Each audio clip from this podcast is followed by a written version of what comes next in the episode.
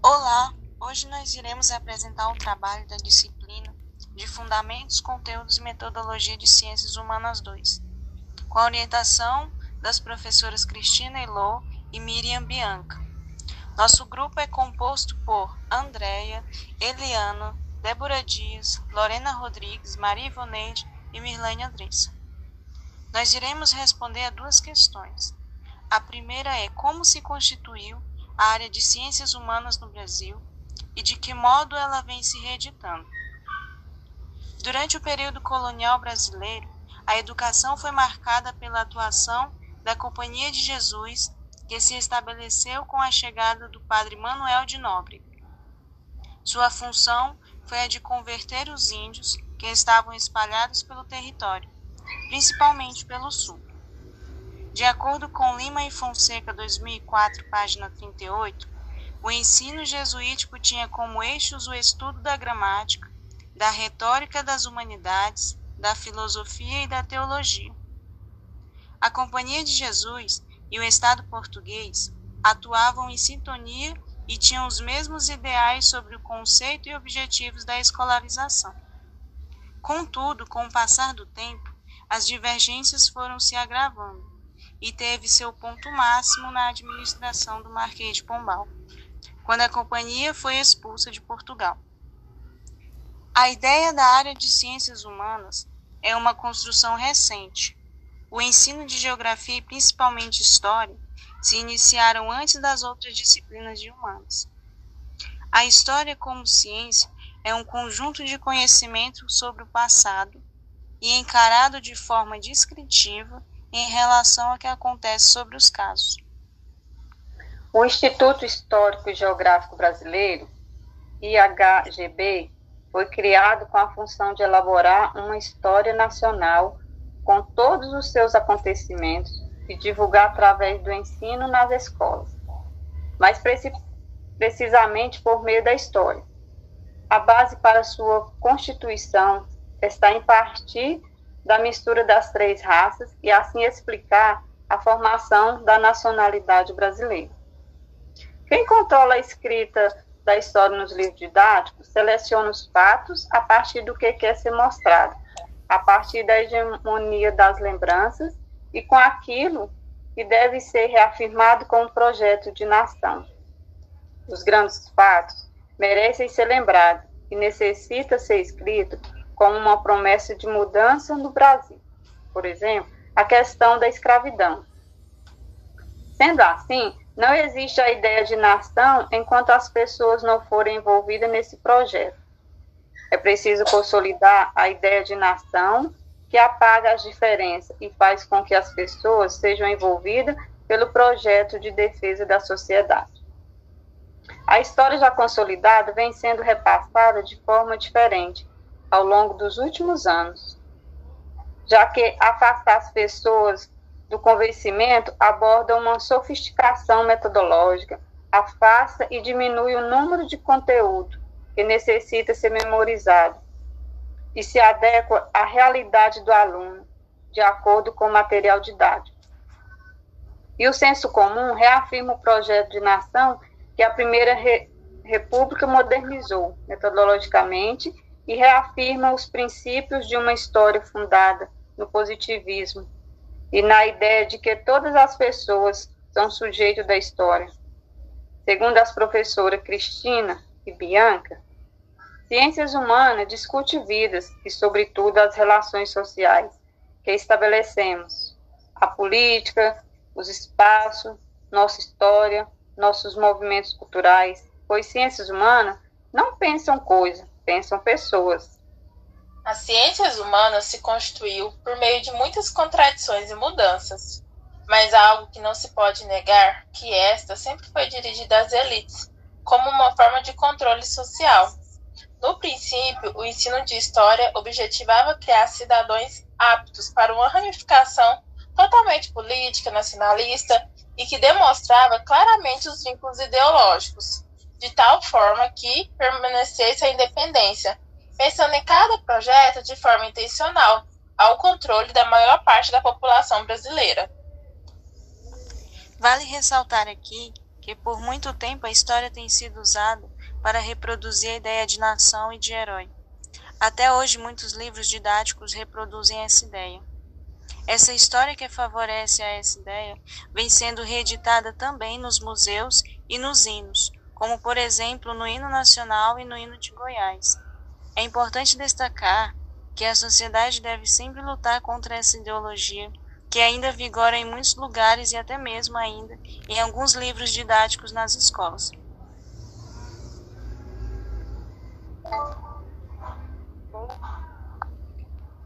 Nós vamos falar sobre a questão 2.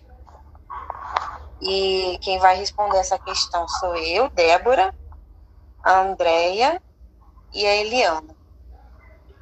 A questão é o seguinte: como a concepção de nação presente nos currículos escolares vem sendo produzida e reafirmada, atualizada desde o século XIX ao XXI no Brasil e como estão presentes nos nossos hinos, materiais escolares e museus. Vamos adentrar um pouco na história, lá no final do século XIX, e o contexto social, cultural e político da época girava em torno das inovações tecnológicas e com elas a promessa de mais liberdade e autonomia para o ser humano. A ideia de mais progresso ela começa a nascer então no imaginário social, o que vai influenciar diretamente na educação, a fim de incutir esse novo paradigma na sociedade. O currículo então ele é pensado com base nesse ideal de cidadão que deseja construir. A construção do currículo e a obtenção do conhecimento escolarizado, ela sempre caminhou nessa dualidade entre a liberdade de aprender e o saber como forma de controle social, ou como dizia Foucault, docilização dos corpos. E o espaço ideal para se construir esse sujeito dócil, obediente às regras, seria a escola, com seu sistema disciplinador, tendo como objetivo central moldar corpos e mente para viverem de acordo com as regras da sociedade elitizada que estava nascendo no recém-independente Brasil colônia. E uma forte estratégia para moldar esse cidadão, ela veio com a implementação da disciplina de instrução moral e cívica, que culminava em reforçar o sentimento de patriotismo. O sentimento nacionalista ele influenciou as reformas de ensino da época, que se materializou na formação do Ministério da Educação e Saúde Pública lá em 1931, que centralizou o currículo e tirou a autonomia das escolas na elaboração dos seus programas, unificando o conteúdo sem nenhum contexto com a realidade social de cada lugar. O professor e os livros didáticos eles passam então a ser autoridade inquestionável e o aluno um sujeito passivo e receptivo desse conteúdo, construído através de uma concepção de história etapista, linear mecanicista e heróica. E é em meados do século XX que surge a necessidade de consolidar uma identidade nacional através de políticas de preservação do patrimônio histórico-cultural e de celebração da memória da nação. É aqui que surgem as chamadas festas cívicas, que traziam consigo o sacrifício pela pátria, o trabalho pelo coletivo e todas essas ideias presentes na construção dos hinos, dos hinos sejam estados, o hino nacional. É, a concepção de nação que formulou os currículos escolares ao longo dos anos, ela tinha como pressuposto a ideia de uma nação coesa, una, com uma só história, uma só memória, onde todos cultuavam os mesmos heróis. A partir da, dos estudos na disciplina de Ciências Humanas 2, podemos compreender também que o hino nacional é a materialização da ideia que representa a unidade da nação inteira, através de um conteúdo musical com letra e música. A ideia do hino é uma ideia positivista que diz: para que a afirmação da ideia de nação seja efetiva, é preciso ter os símbolos, é preciso ter o hino, ter a data, ter a bandeira. É preciso ter o conjunto de representações para criar a ideia de nação. E o hino compõe esse conjunto de elementos. Os hinos foram criados para afirmar essa ideia de nação usada para dominar as pessoas, que provoca emoções quando a gente canta, e isso cria uma idolatria e uma submissão pela pátria. Só que as letras dos nossos hinos não nos incluem como sujeitos da história, foram criadas para dominação das pessoas, e a gente não tem conhecimento disso. E isso vem sendo reeditado ao longo da história, como por exemplo, quando vai iniciar um jogo de futebol e é cantado em nacional com os jogadores com a mão do lado esquerdo do com os olhos cheios de lágrimas, emocionados.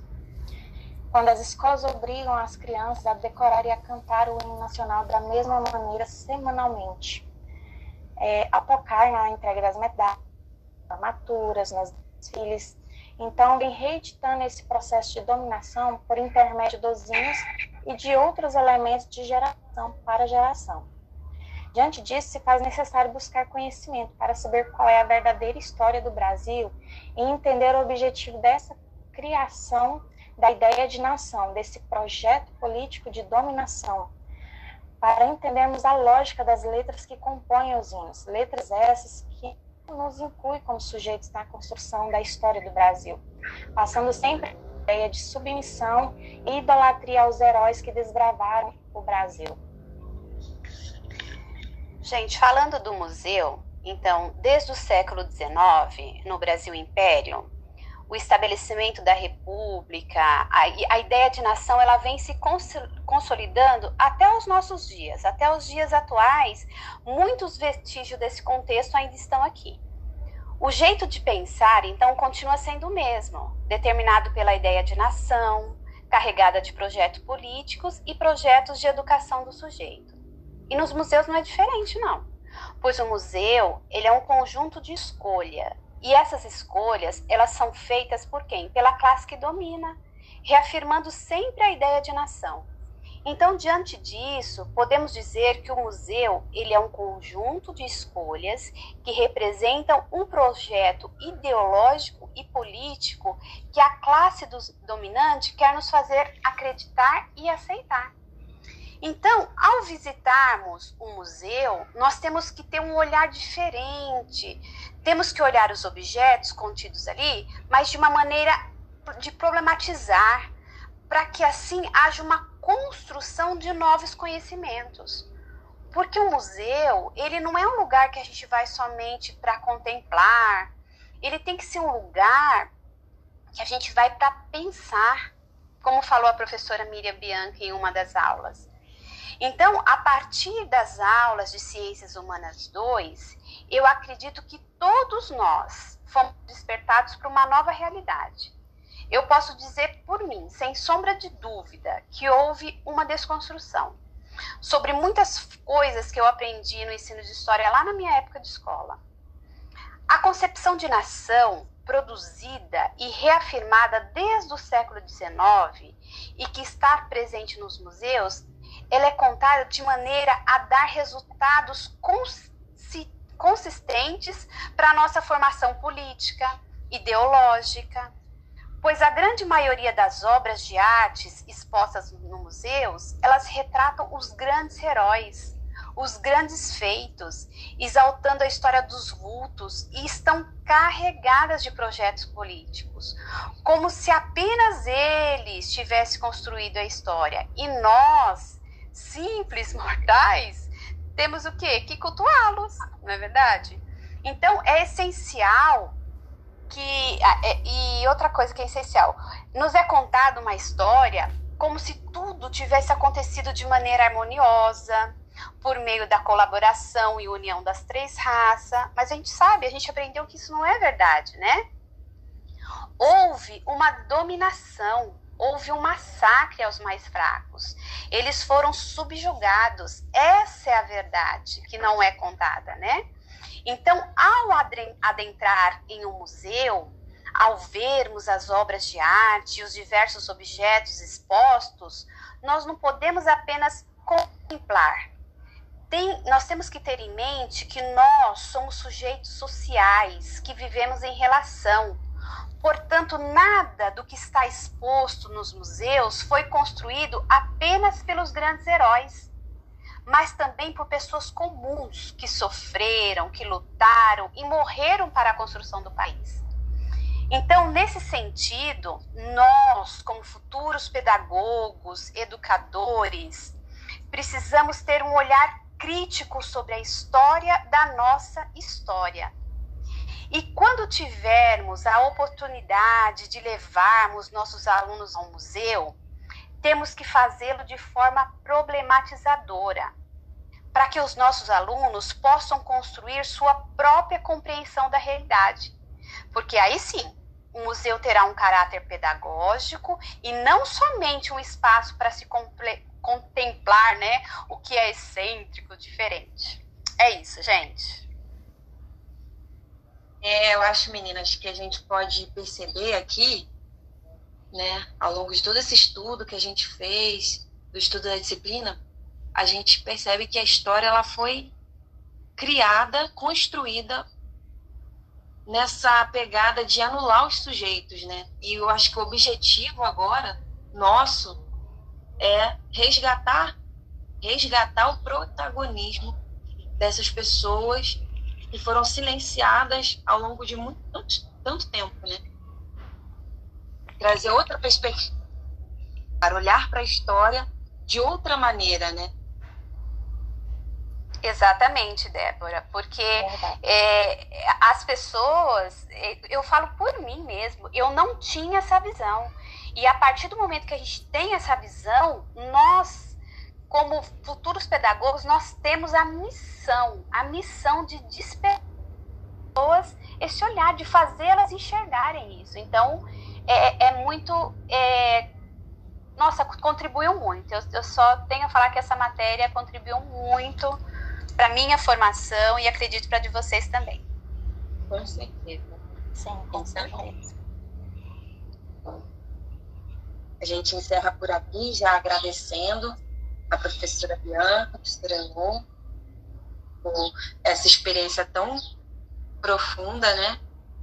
Esse trabalho de despertar a criticidade, né? nos despertar. É, só agradecer mesmo por essa disciplina, por esse período e por essas descobertas que a gente fez. É isso Nossa, aí. Como de... né? Revelou a, a, verdade escondida, né? Por, por, por trás dessas invenções, por, por trás das pinturas, dos hinos, dos materiais didáticos, né? Que a gente segue sem, sem entender que existe uma, um projeto político por detrás é, do que é passado para a gente, né? Então foi, foi muito libertador essa, essa disciplina, né? A gente entender realmente aquilo que a gente estudou, que a gente canta no hino nacional, que a gente vê na, nas pinturas nos museus, é, porque essa ideia que eles fazem, a ideia que a gente aprendeu mesmo, e que as pessoas vão aprendendo, e se não, não for é, essa disciplina, a gente não saberia, provavelmente não saberia, né? É verdade. Muito bom. E o propósito da educação, né? A educação que se pretende ser transformadora, ela tem que questionar o que está posto. A gente precisa questionar o que está posto, entender que não há. É, não tem esse negócio de ah, sempre foi assim, é desse jeito. Não, a gente tem que questionar o que está posto e como futuros educadores, a gente precisa instigar o aluno também a questionar o que está posto e entender que não há verdades absolutas, né? Verdade. Gente, muito obrigada. Obrigada, professora. Esse foi o nosso trabalho. É isso aí, eu só queria finalizar com uma frase da professora Cristine Low. Ciências humanas na veia!